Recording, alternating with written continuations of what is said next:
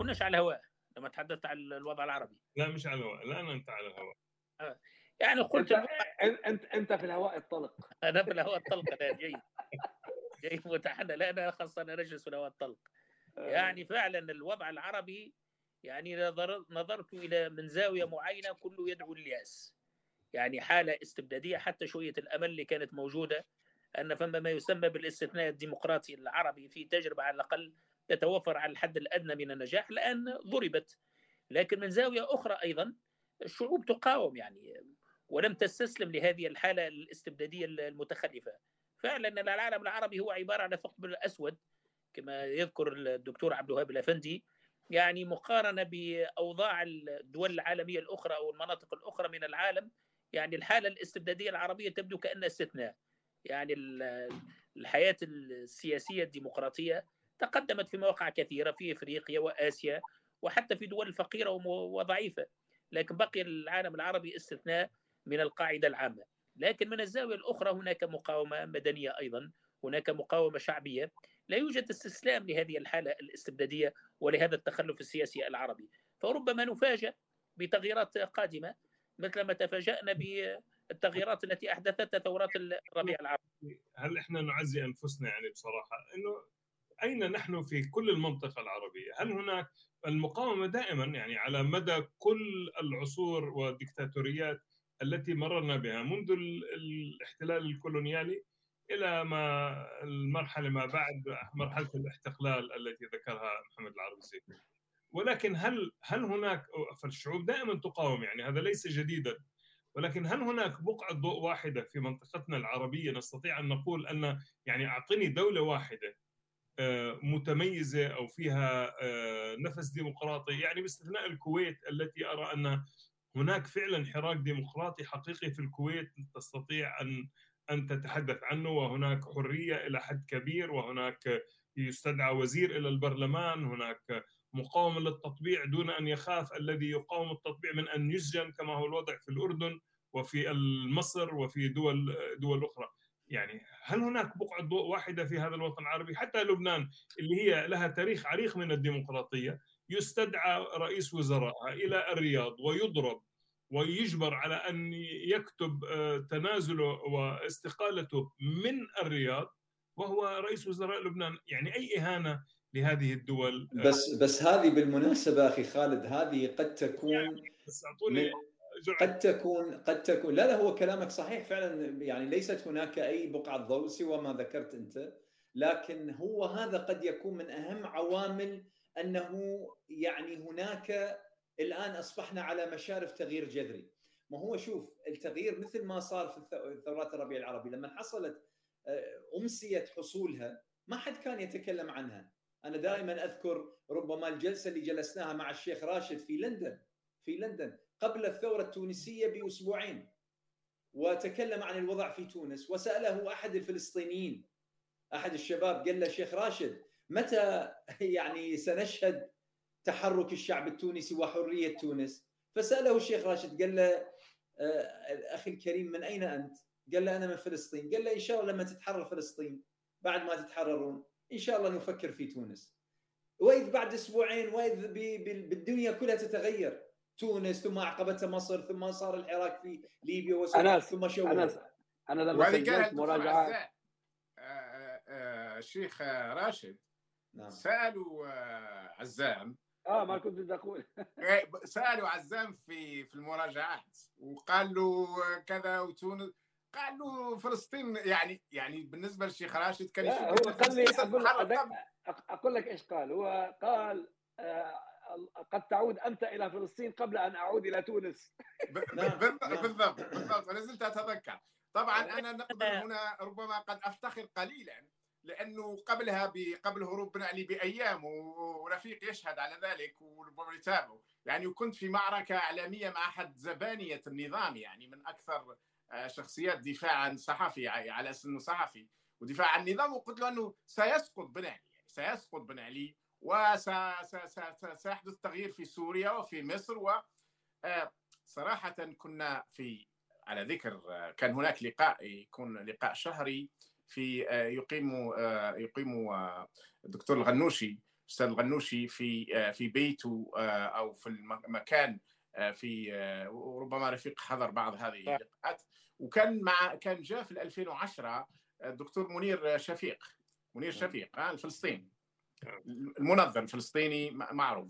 فكنا ممكن 12 أو 14 عربي في اللقاء على أساس معارضة عربية عند عند الأستاذ الغنوشي فالدكتور شفيق قال عليكم أنتم معارضي العرب أن تتوقفوا عن مقاومة الأنظمة نتاعكم.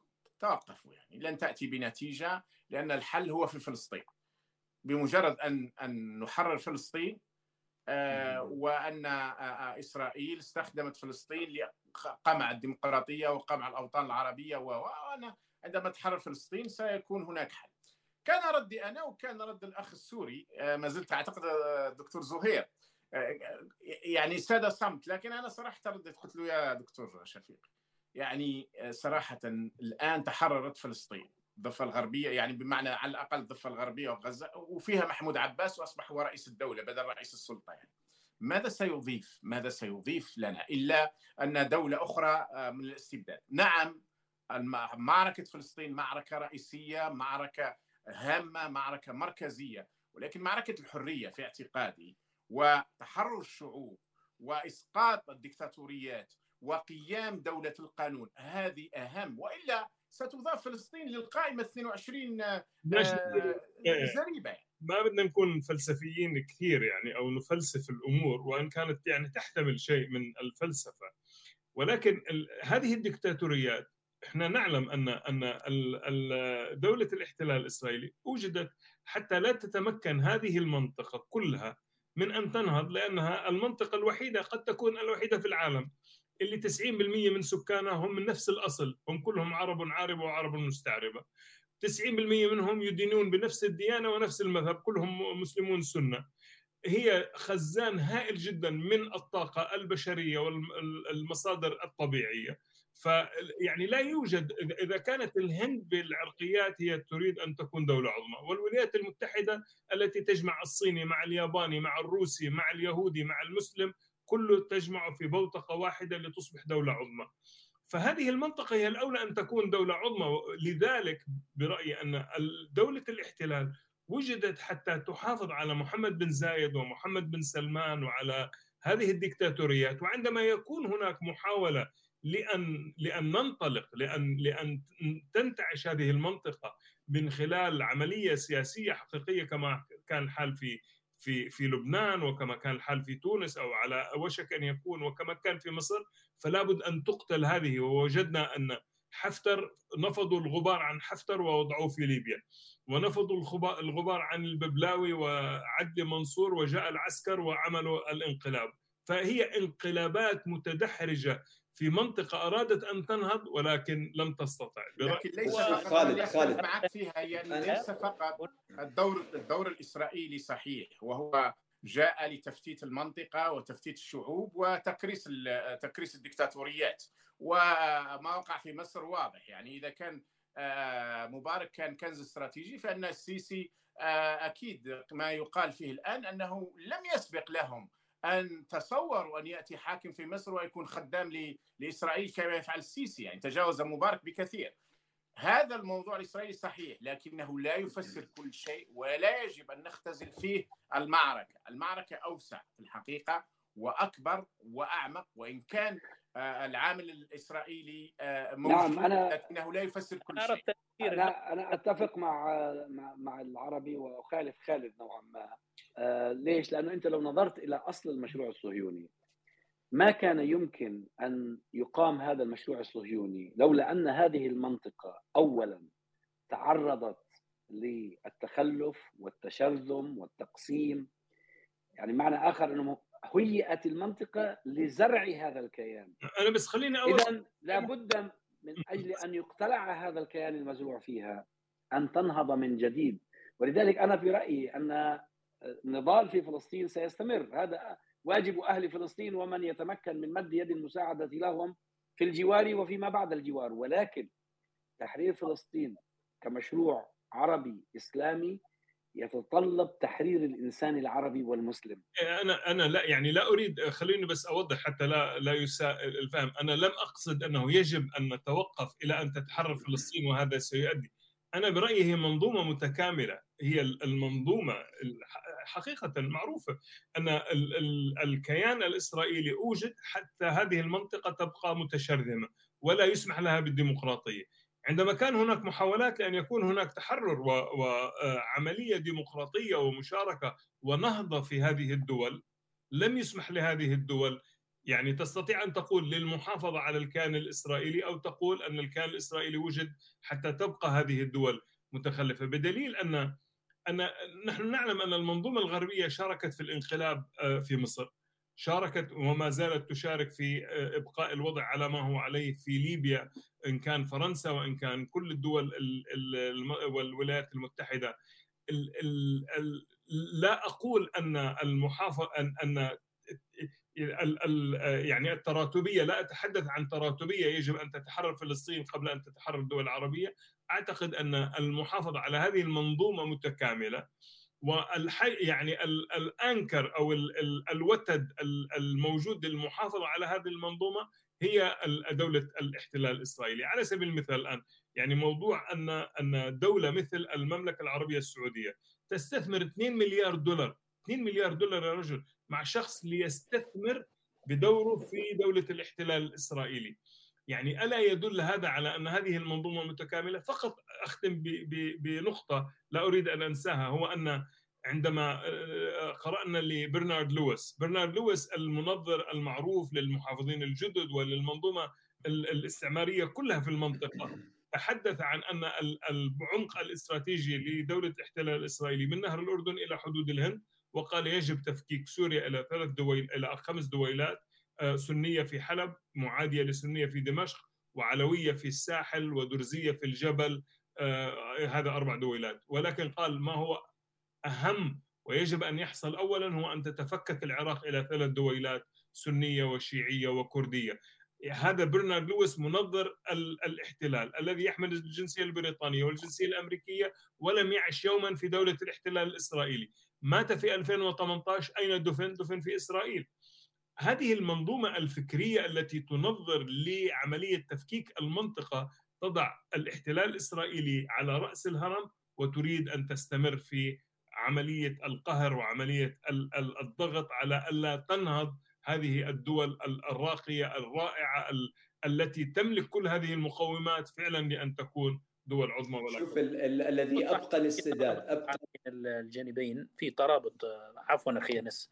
يعني أنا فقط اردت ان أعرج تفاعل مع النقطة السابقة في المعطى الإقليمي.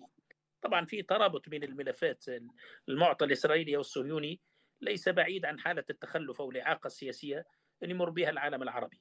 وأنا نشوف الدول التي نهضت الربيع العربي وثورات الشعوب العربية تداخل فيها البعد العربي الإقليمي مع المعطى الإسرائيلي تحت عنوان الحفاظ على الأمن والاستقرار. ومقولة الأمن والاستقرار تقتضي يعني التعاون أو التنسيق مع الدكتاتوريات العربية باعتبارها الضامن الرئيسي للمصالح الإسرائيلية والمصالح الصهيونية في المنطقة.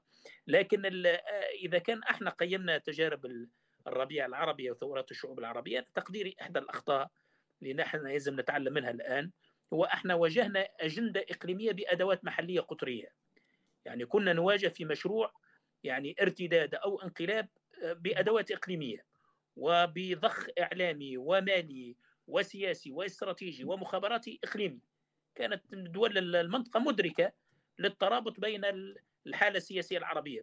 ولذلك تشكلت نواة صلبة تقودها بعض دول الخليج وبالتنسيق مع إسرائيل يعني في مواجهة الربيع العربي. وكانت غرفة عمليات فعلا تشتغل بالليل والنهار. نعم. ووضعت كل إمكانياتها ومقدراتها المالية والإعلامية والسياسية والاستراتيجية في خدمة وفي أجندة الثورة المضادة.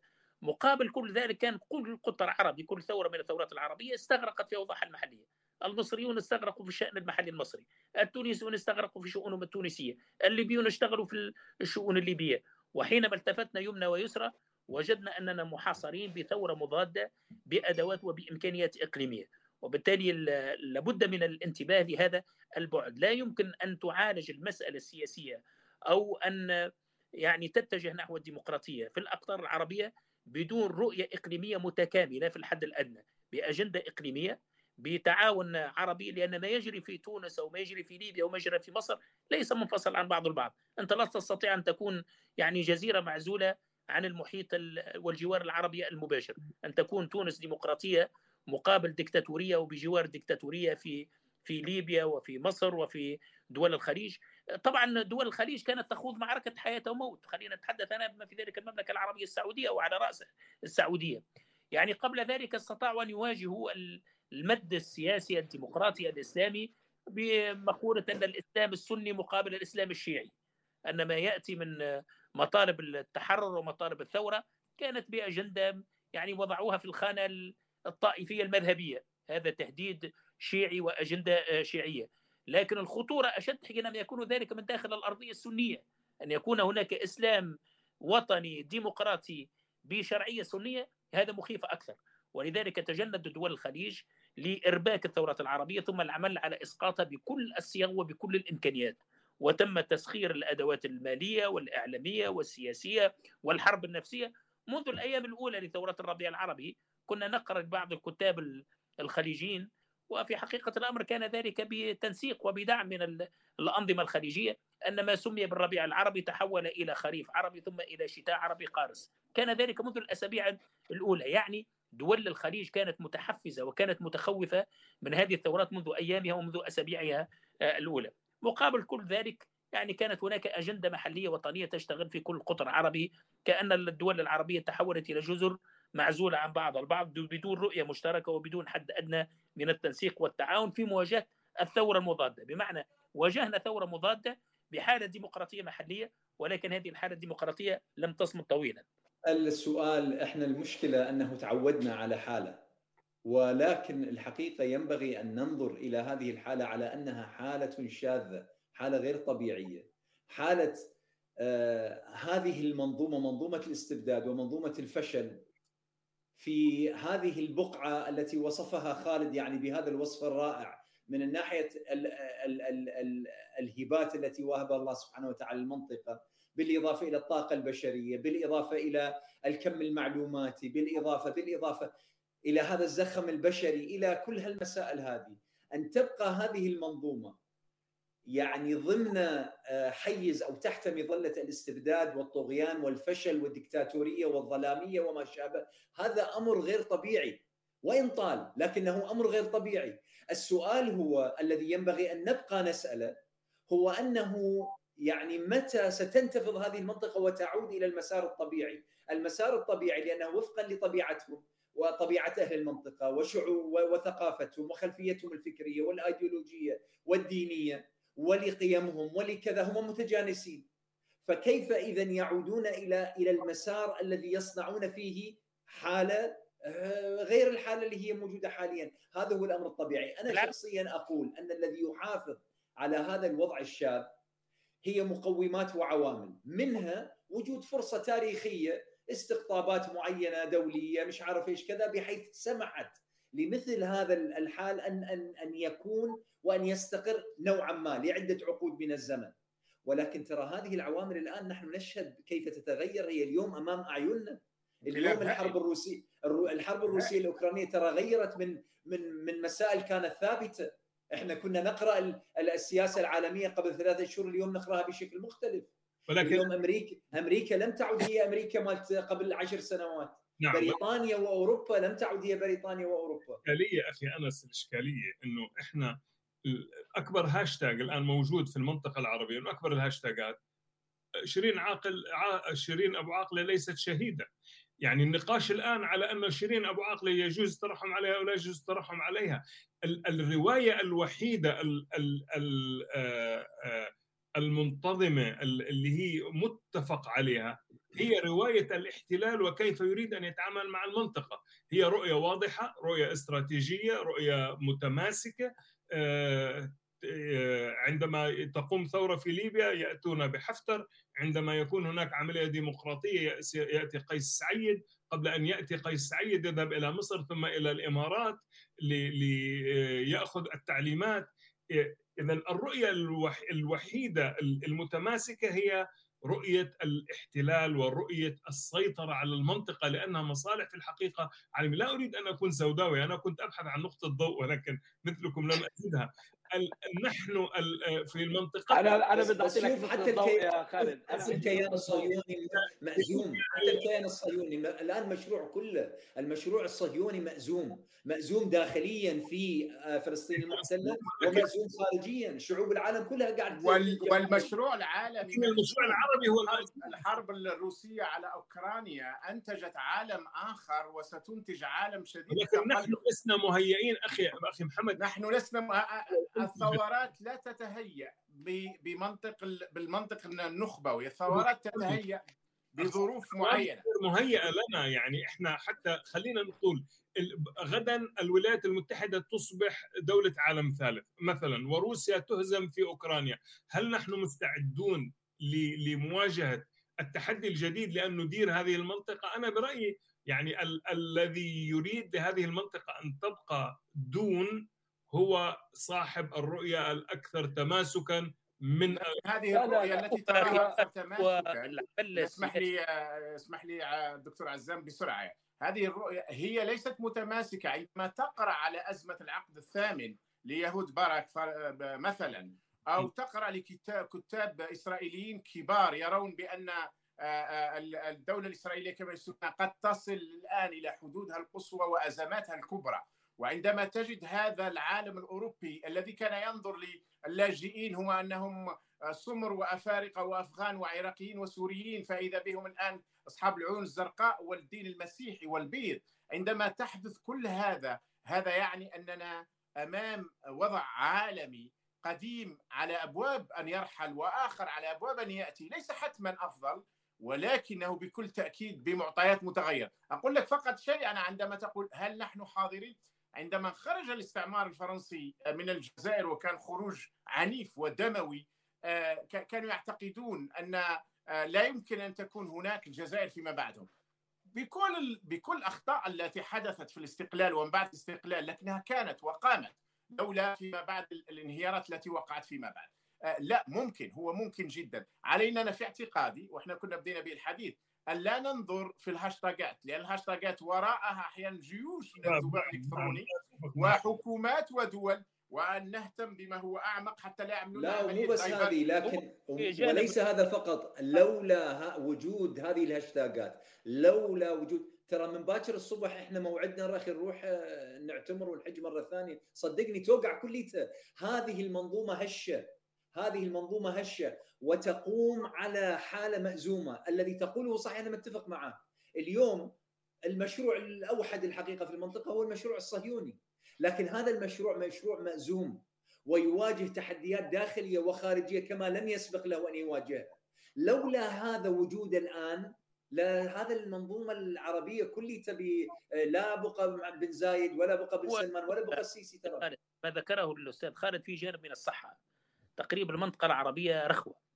وربما من أكثر المناطق يعني هشاشة. حتى مقارنة بدول الجوار إحنا لما قارن اوضاعنا مثلا بتركيا وبإيران ليش معنا وضعنا أكثر هشاشة منهم؟ لأن في nation state في دول قومية في تركيا استطاعت أن تضبط مجالها القومي وتضبط مصالحها القوميه وتدافع على وجودها وعلى كيانها.